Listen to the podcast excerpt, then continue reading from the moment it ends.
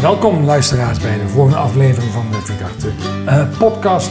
En ik heb vandaag een leuk boek bij me, wat ik wil bespreken met de twee auteurs die dat, dat bijzondere boek geschreven hebben. Het boek heet In 10 stappen een excellente coachhouding. Nou, dat vraagt toch om uitleg. En uh, de auteurs Lia Gozens en Saskia Jansen, jullie zitten tegenover mij. Welkom vandaag in deze aflevering 11. Dankjewel, fijn om hier te zijn. Ja, graag Lia, leuk dat je er bent. Saskia, je, je bent al een keer eerder geïnterviewd in een aflevering en nu ben je weer teruggekomen. Dat klopt en dat vind ik hartstikke leuk en zeker samen met Lia. Ja. ja, dus je vond het leuk om, om uh, mee te doen aan de podcast. Absoluut. Is ook leuk. Hey, uh, Lia, jullie boek heet In 10 stappen excellente coachhouding, gebruik NLP voor optimaal contact. Mm Hoe is het zo gekomen dan, dat jullie denken schrijven? Hoe is dat zo gekomen? Um, nou, eh, Saskia en ik waren, zijn allebei heel geïnteresseerd van wat, wat is nou het topniveau van NLP. Zo. En we weten allemaal dat het over attitude gaat en een methodologie, hè, moeilijk woord, en dat mhm. technieken uit voort zijn gekomen. En wij dachten, wij willen de exquise dingen uit NLP halen. En dat was volgens ons, of is volgens ons, de attitude, de houding, sowieso de levenshouding. Vier dachten staat ook voor levenskunst. En wij dachten, wij willen een boekje maken over de levenskunst van NLP. Ja. Hè, toch? Want ja. had je dan het, het, idee dat dat nog niet beschreven was, Saskia? Ja, er zijn natuurlijk heel veel NLP-boeken die bestaan er al. Ja. En wij wilden ook echt iets nieuws maken. Dus wat wij vinden dat veel van de NLP-boeken zijn ook gewoon echt goed en leren je een aantal technieken en modellen. En wij wilden terug naar waar het volgens ons helemaal om draait. Dat je een goede houding mag hebben. Dat je even terug mag zakken in jezelf. En op een andere manier naar de mensen, naar de wereld mag kijken. Zoals je dat tot nu toe hebt gedaan. En ondertussen ook naar jezelf. En dat, we hadden het idee zo van, we gaan natuurlijk gaan we iets nieuws maken. Niet iets wat er al is. Ja. En ons idee is uniek. Ja, zeker. En wat is dan een excellente coachhouding voor jullie? Als je dat kunt samenvatten. Het, het boek heeft, heeft tien stappen, maar misschien kun je dat ook gewoon in, in een aantal zinnen samenvatten. Ja, um, een excellente coachhouding is um, als je met, een, met de basisprincipes, grondprincipes van NLP, zowel naar de ander kijkt als tegelijkertijd naar jezelf. Dus dat je heel goed jezelf meeneemt in de uitgangspunten, de vooronderstellingen van uh, NLP, uh, perifeer waarnemen bijvoorbeeld. We hebben ook uh, een stuk opgenomen over dat je misschien soms wel eens iets projecteert op een ander, mm. wat, wat misschien niet helemaal het handigste is om te doen.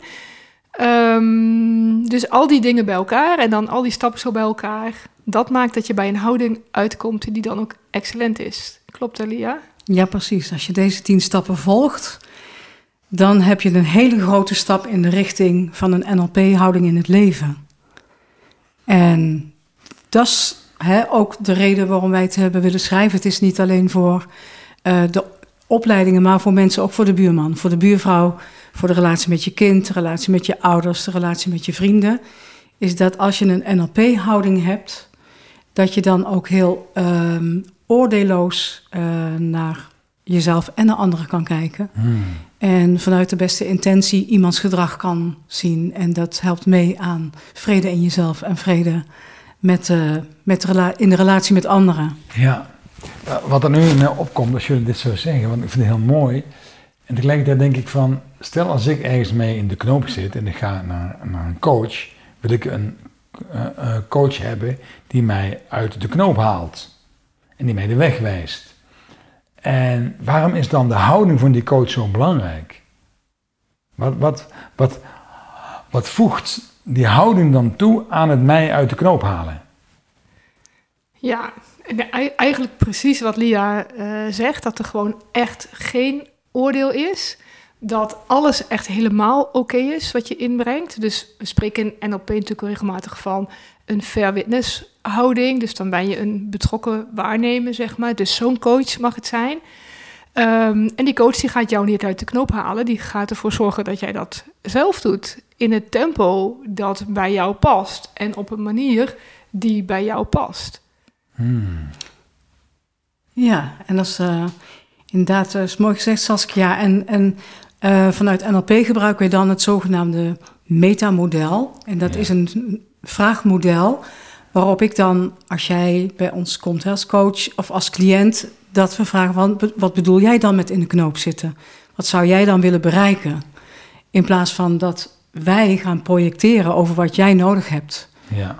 En projectie staat dus ook weer in dit boekje. Wat doen wij? Want ik kan, of Saskia of jij, jij kunt ons niet zien, wij jou niet. Wij zien slechts vanuit ons wereldmodel wat jij bedoelt met ik wil uit de knoop.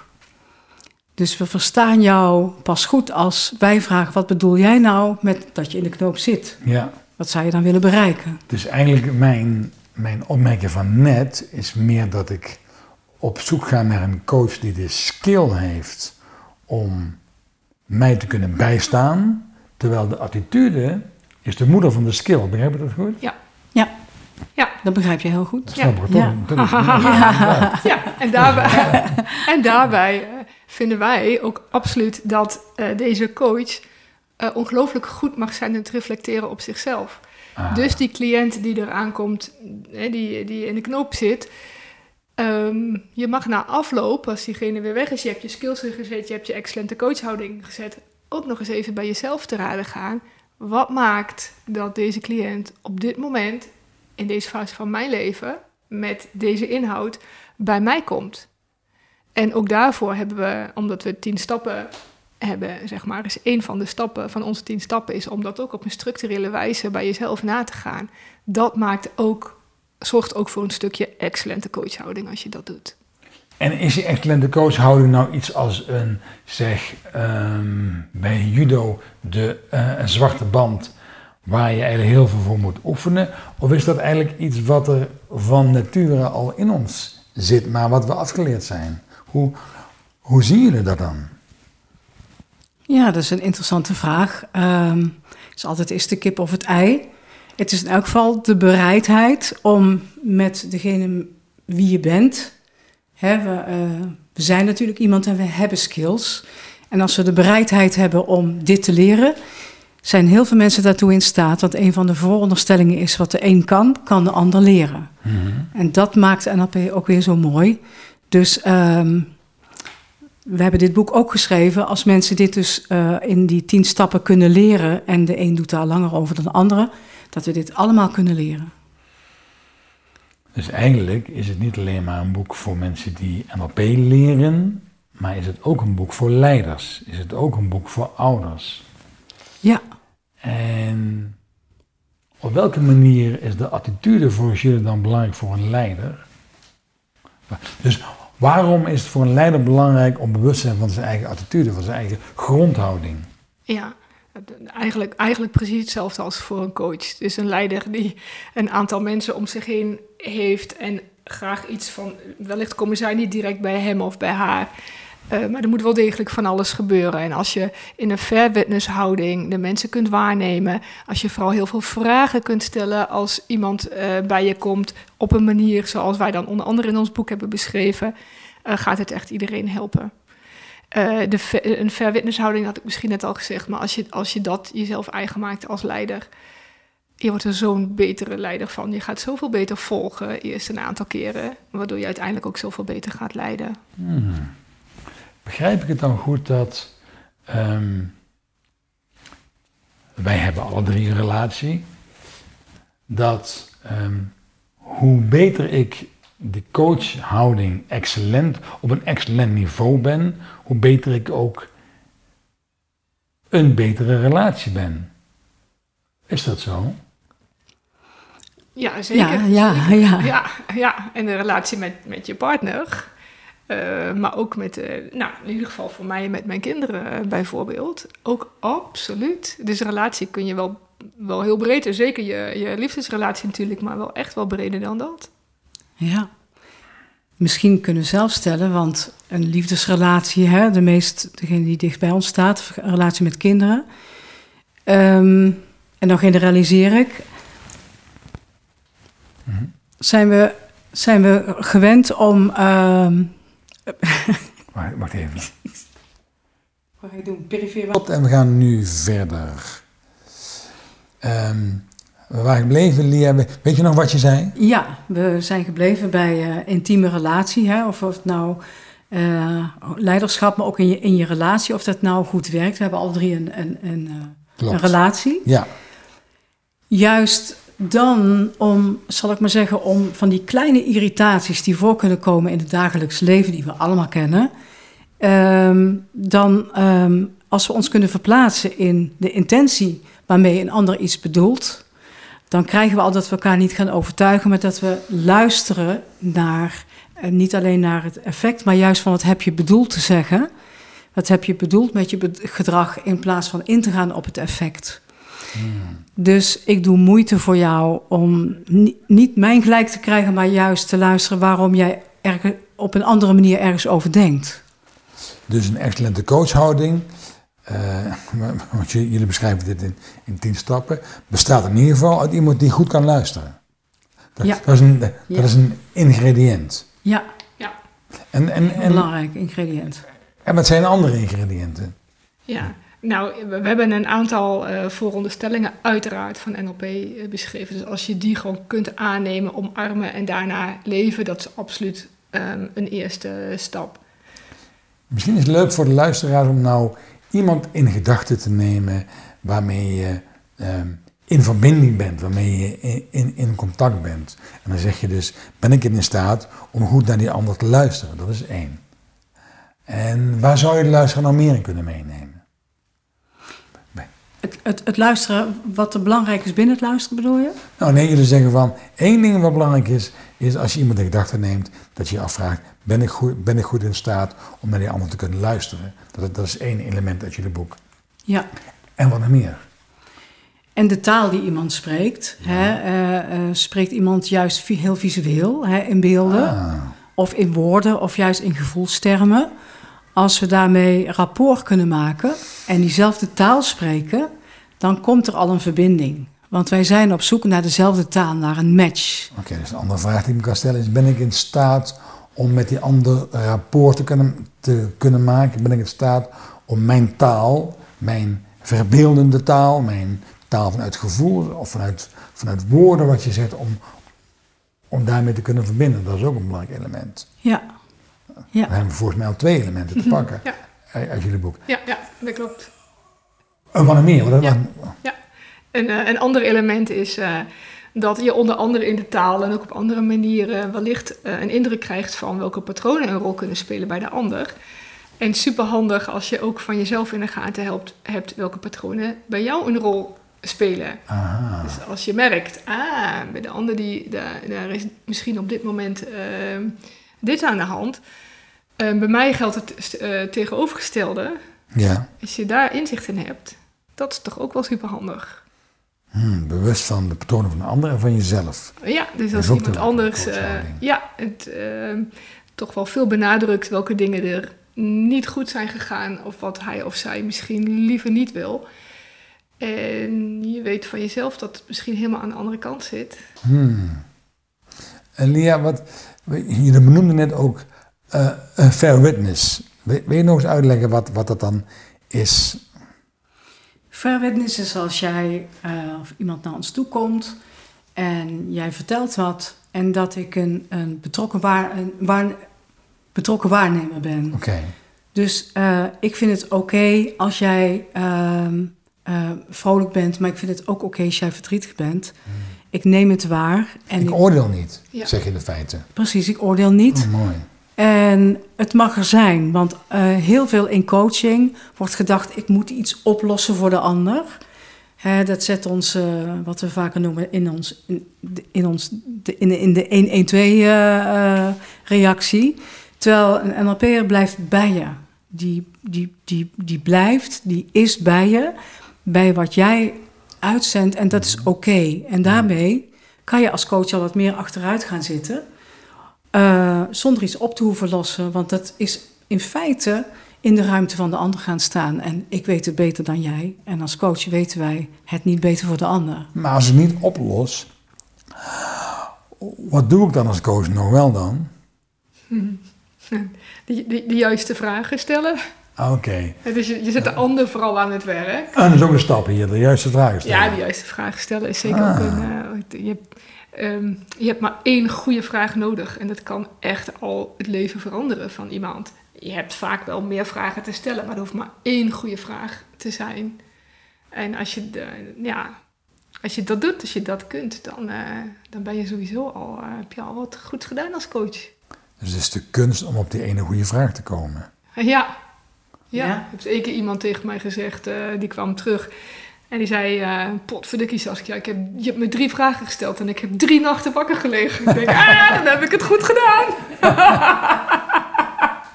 Zielig. Drie Ja. nachten wakker gelegen. Ja, maar dat is de Ja. kunst. Dus dat je, dat je het juiste hoort, het juiste ziet, zelf ook het juiste voelt, daarop ingaat en dan de, de goede vraag stelt. Mooi. Zodat de ander bij zichzelf, dat hij een inzicht opdoet of zichzelf vragen gaat stellen of, of nog een paar nachten eh, langer nadenkt. Ja, nog langer wakker ligt. Hey, en en, en ehm, ik begrijp dus uit jullie verhaal dat het voor leiders, ook als mensen niet NLP hebben geleerd als, als instrument, voor leiders wel van belang is om zich bewust te worden van hun, hun houding, hun attitude. Ja. Heel veel eh, leiders hebben, hebben geleerd om te leiden. En eh, je hebt verschillende leiderschapstijlen. Maar een NLP-leiderschapstijl is dat, eh, dat die kijkt van... oké, ik heb een orkest hè, en die heb ik te leiden. Wat hebben de mensen in mijn orkest nodig? En heel veel leiders denken... oh, ik moet ergens aantrekken en verliezen dus de mensen. En een, volgens ons een goede leider... Juist door rapport te maken, volgen en leiden, zich verplaatsen in het wereldmodel van de ander, matchen, maakt dat mensen zich gezien en gehoord voelen. En hebben daardoor de bereidheid ook weer meer om mee te gaan. En dan ontstaat er een dans, Hmm. een mooie NLP-dans. En hoe moeilijk of makkelijk is, er, is het dan om, om die dans te leren als leider of als coach? Hoe makkelijk of moeilijk? Ehm, het is sowieso weer de bereidheid om uit je, eh, wat je gewend bent, uit je comfortzone te stappen van denken. Om dat in het licht te durven zetten. En van waaruit je deze leiderschapsstijl doet. Dan, dan zitten we in een comfortzone. Met NLP ehm, kan elke leider leren hoe het is om eh, vanuit een het is oké-stijl te leiden. En dat hij ook gaat merken dat het effect heeft, omdat Ja. hij meer gedaan krijgt bij mensen. Ja, ik, ik denk inderdaad ook dat het helemaal niet zo heel moeilijk is om te leren. En juist als je een NLP-opleiding bijvoorbeeld eh, gaat doen, dat je gewoon merkt dat je na dag één al dingen s'avonds thuis op de bank anders voor elkaar krijgt of kunt doen. Ehm, laat staan de volgende dag op je werk. Juist omdat met, eh, in mijn beleving, eenvoudige stappen of weinig stappen, eenvoudige dingen, je heel snel resultaat kunt halen. En alleen, ja, je hebt het wellicht niet zelf bedacht of je- niemand heeft je er nog op gewezen of je ermee geholpen. Maar zo moeilijk om te leren is het niet. Het is vooral heel leuk. Maar dan gaan mensen natuurlijk ook hun emoties tegenkomen. Ja, Omdat, dus eh, weer vanuit mijn, mijn metafoor, wat ik net zei, van hebben wij dan ooit geleerd als baby om die waarnemer te zijn, maar is er oordeel ingeslopen waar we onszelf eruit moeten halen? Of is het juist heel moeilijk om bij die eh, neutrale waarnemer te komen? Want ik, ik, ik, ik, ik ben ooit, ooit op vakantie geweest in een land waar in, in, in Azië, waarbij een ongeschoolde gids was, die alleen maar leefde in de natuur. En die man die, die kent geen, geen wetenschap zoals wij wetenschap op de bovenste plank hebben neergezet. Maar hij leeft gewoon als mens in de natuur en is volledig oké met, met alles wat er is. En vertrouwt op de natuur. Hij vertrouwt op alles wat er gebeurt dat het goed is. Dus daarmee denk ik dat ehm, misschien wel ons, ik weet niet hoe, dat voor jullie is, dat ons onderwijssysteem, ons hele eh, een maatschappelijke systeem, ehm, veel meer naar oordeel gaat, naar niet-rapport, naar niet uh, uh, als je ziet de voorbeelden die onze leiders uh, ons geven, die dan zeggen dat ze ergens geen actieve herinnering meer aan hebben, dan, dan denk ik dus um, de zuivere waarheid is niet altijd wat gezegd wordt. Maar dat betekent ook dat zo'n zo'n excellente coachhouding ook iets, ook iets doet op ethisch vlak tussen mensen. Dus ook in organisaties, toch? Ja, ja dat, dat klopt. Dat klopt, ja. Ja, ik denk ook dat, dat als je het hebt over ethiek, dat als je werkelijk uh, dit aanleert als, als basisattitude, dat er andere dingen gebeuren. Dus ik zou de uh, politiek ook uh, echt NLP-trainingen gunnen. Ja. Dan zou het echt anders gaan in het sowieso communiceren. Hè, uh, dus we kunnen het boek eens misschien gaan sturen naar de, naar de Tweede Kamer. Want absoluut gaat dit ook over ethiek. Als je de NLP-attitude hebt, dan ben ik in elk geval van, van mening dat je al zo ethisch communiceert, zo ethisch uh, omdat je ook werkelijk naar de ander wil luisteren. En niet een discussie van jij hebt gelijk of ik heb gelijk. Hè, dat zeg ik ook vaak in de, in de trainingen. Van het gaat niet om het gelijk krijgen. Het gaat erom erachter komen wat beweegt jij nou, wat beweegt jou nou om dit te zeggen of om dit te vinden. Ja. En jullie komen uiteindelijk um, in je boek tot een soort van integraal model. Ja. Want, want, want toen ik toen ik het las, vond ik dat zo, zo grappig. Het attituderad. Dus er is uiteindelijk een soort integratie te vinden van al deze bouwstenen om een excellente coachhouding uit te stralen. Ja. Vertel mij over het geheim van het attituderad. het geheim van het attituderad is dat je het, het kunt vergelijken met een rad zoals op de kermis. Uh, we houden allebei heel erg van, uh, van de kermis. Dus de, de, die metafoor past daar ook heel mooi bij. En uh, het idee van dat alle, alle bakjes of alle karretjes in een reuzenrad... die houden elkaar in evenwicht. Hmm. En als er ergens iets gebeurt... En nou ja, het woord rapport is genoemd. Dus als, als je wel of geen rapport maakt, heeft dat ook gevolgen voor een aantal andere ingrediënten vanuit NLP. Je kunt uh, verschillende waarnemingsposities innemen. Je kunt in het rad zitten of je kunt er buiten staan. Je kunt omhoog kijken, opzij kijken, naar beneden kijken. Nou, dat zijn zo wat ingrediënten van onze ratten. Ja, ja. Um, het mooie is ook, het is een circulair proces. Het is nooit af. Uh, en dat is ook het mooie van NLP. Het geeft zoveel mooie kansen om uh, te reflecteren hoe je zelf in het leven staat, maar ook hoe, je, hoe de ander in het leven staat en wat je daarin kan leren. En dit attituderad, uh, ja, dat vinden wij zo mooi, omdat je inderdaad vanuit verschillende kanten kan, dingen kan bekijken. En dat is ook echt iets van NLP. Hoe neem je waar? Doe je dat vooral geassocieerd? Vanuit jezelf kun je ook eens van een afstandje kijken. En ik zeg ook altijd, als je wil zien of de ramen schoon zijn, dan moet je even op afstand gaan staan. Anders dan zie je niet of het schoon is. En uh, nou, ons rad geeft een mooie reflectiemogelijkheid om Ja. op verschillende manieren op de tien stappen te reflecteren. Ja. Zodat je met één grote mooie NLP-stap een prachtige attitude in het leven kan zetten. Ja, leuk. Ja. Hey, en nou weet ik dat jullie allebei ook uh, mensen opleiden, niet in NLP, maar, maar um, um, in, andere omgevingen waar je veel jonge mensen uh, uh, leert um, naar zichzelf te kijken. Hoe, hoe ervaar je dat, dat, dat het leren van deze elementen worden opgepakt door mensen als je niet binnen een, een NLP-omgeving werkt? Dat vind ik ook interessant. Ja. ja, voor de jonge mensen met wie ik werk zijn over het algemeen uh, begin twintig. En uh, nou, zoals ik net zei, uh, ja, dat je dingen kunt leren waar je s'avonds of de volgende dag al iets mee uh, kunt, dat merk ik van hen. Ik hoor dus bijvoorbeeld van deze jonge mensen dat door één of twee dingen die we hebben aangereikt, die we hebben gedaan, die zij hebben ervaren en hebben geleerd, dat de gesprekken met hun ouders bijvoorbeeld opeens heel anders verlopen.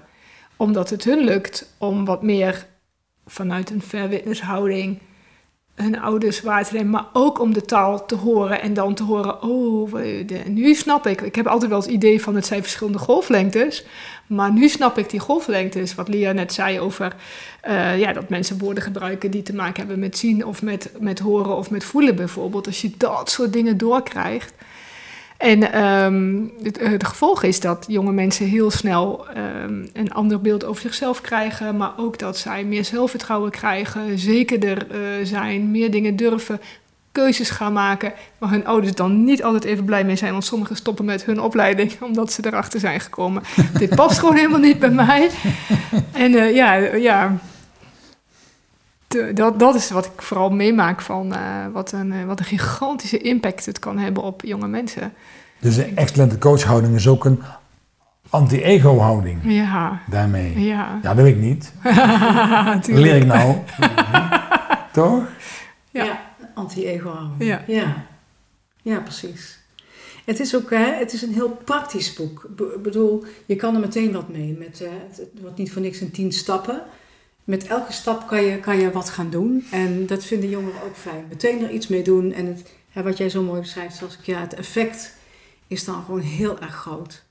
Dus... Uh, Want jij hebt de ervaring ook, Lia, dat je als je buiten een NLP-opleiding met mensen werkt, dat het mensen heel erg helpt om anders te gaan kijken, anders te gaan ervaren, al, al, als ze de elementen uit die excellente coachhouding gaan, gaan leren. Ja, en mooi wat jij nu zegt van veranderen gaat niet over iets anders doen per se, maar wel anders kijken naar eenzelfde iets, waardoor je al anders gaat voelen en anders gaat doen.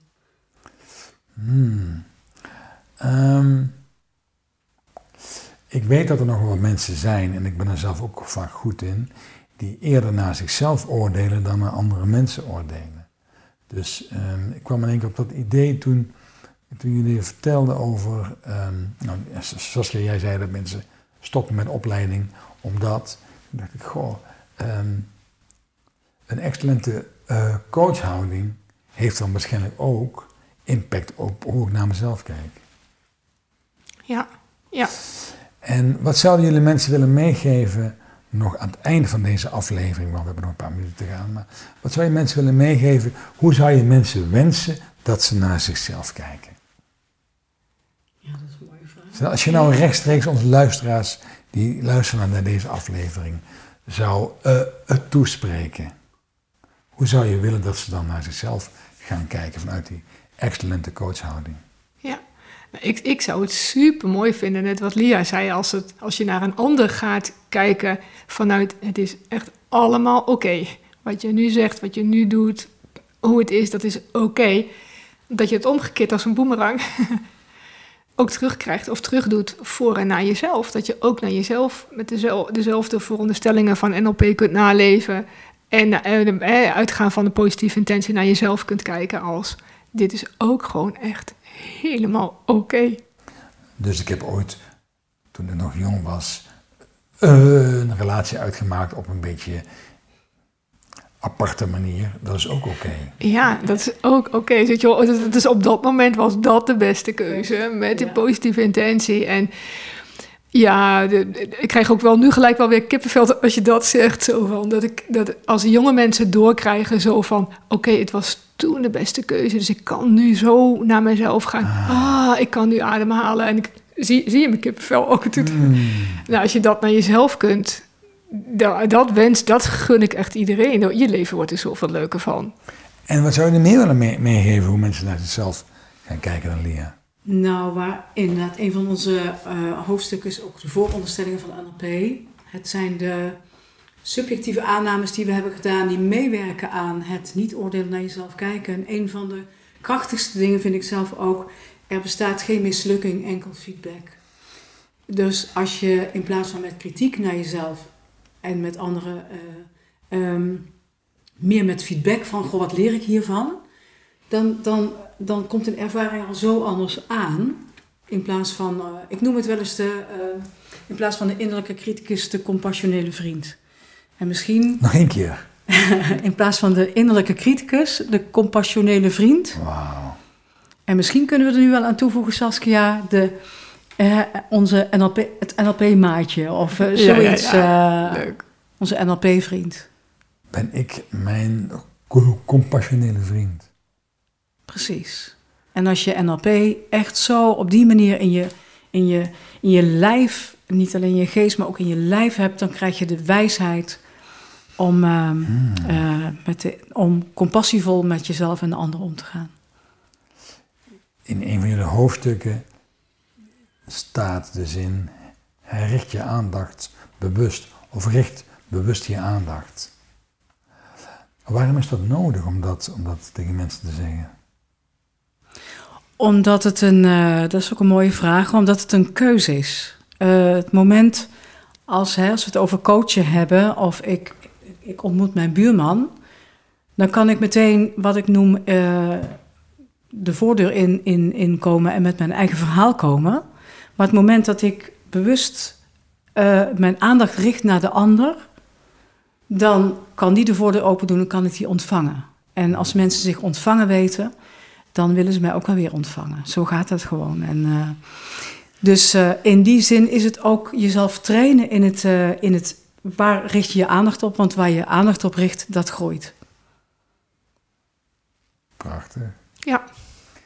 En ik krijg dus door dat als ik docent aardrijkskunde ben, ben ik goed in aardrijkskunde. Als ik eh, verpleegkundige ben, ben ik goed in verpleegkunde. En als ik daarboven nog geschoold ben, bewust ben in de houding, dan ben ik nog beter in de relatie hoe ik aardrijkskunde overdraag of hoe ik als verpleegkundige met mensen omga. Ja, absoluut. Het is ook echt precies wat, wat Lia net zei. Dat mensen voelen zich gezien en gehoord. En dan, en dan ben je absoluut ook een betere docent A of B. Dus eigenlijk had jullie boek ook kunnen heten Omgaan met anderen en jezelf. Ja, Zo had het ook, maar dit vonden wij een mooiere titel. Dit een mooie titel. Ja. En ehm, het is inderdaad, ehm, de relatie maakt dat je ook iemand onthoudt. De relatie Eh, ja. maakt dat je iemand onthoudt. Dus de, de, de leukste leraren worden meestal niet herinnerd op dat ze zo goed de geschiedenis konden geven, maar de manier waarop ze dat deden en hoe ze met mensen omgingen. Wij hadden ooit een docent Nederlands die deed scheten laten als wedstrijd. En die man die vergeet ik mijn leven niet. En, en die vond vond ik heel leuk. Dus, dus als je dit verhaal vertelt, dan moet ik aan hem denken. Zo van wie de meest luidruchtige scheet kon laten, nou, die kreeg altijd een hoger punt op zijn rapport. Kijk, en alleen al omdat jij dat nu, nu vertelt, Ja. moeten we samen ook heel hard lachen. Ja, En hebben meteen Ja, een beetje een mooi contact. Ja, Ja, maar dat onthoud je. ja dat blijft. Ja, ja. ja. Nou, is, is er iets wat je nog wil meegeven aan onze luisteraars als afsluiter? Want we gaan naar het einde toe van deze aflevering. koop het boek, ga het in elk geval lezen.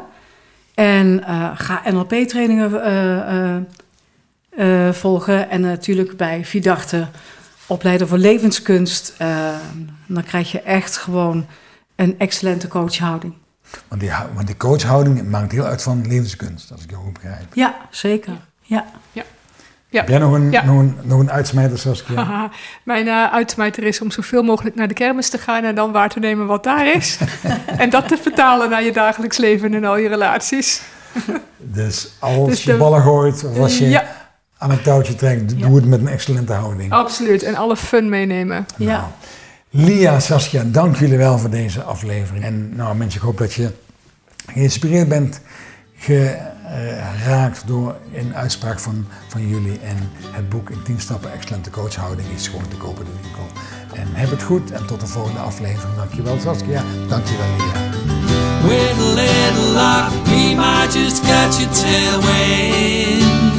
Hey, fellow traveler,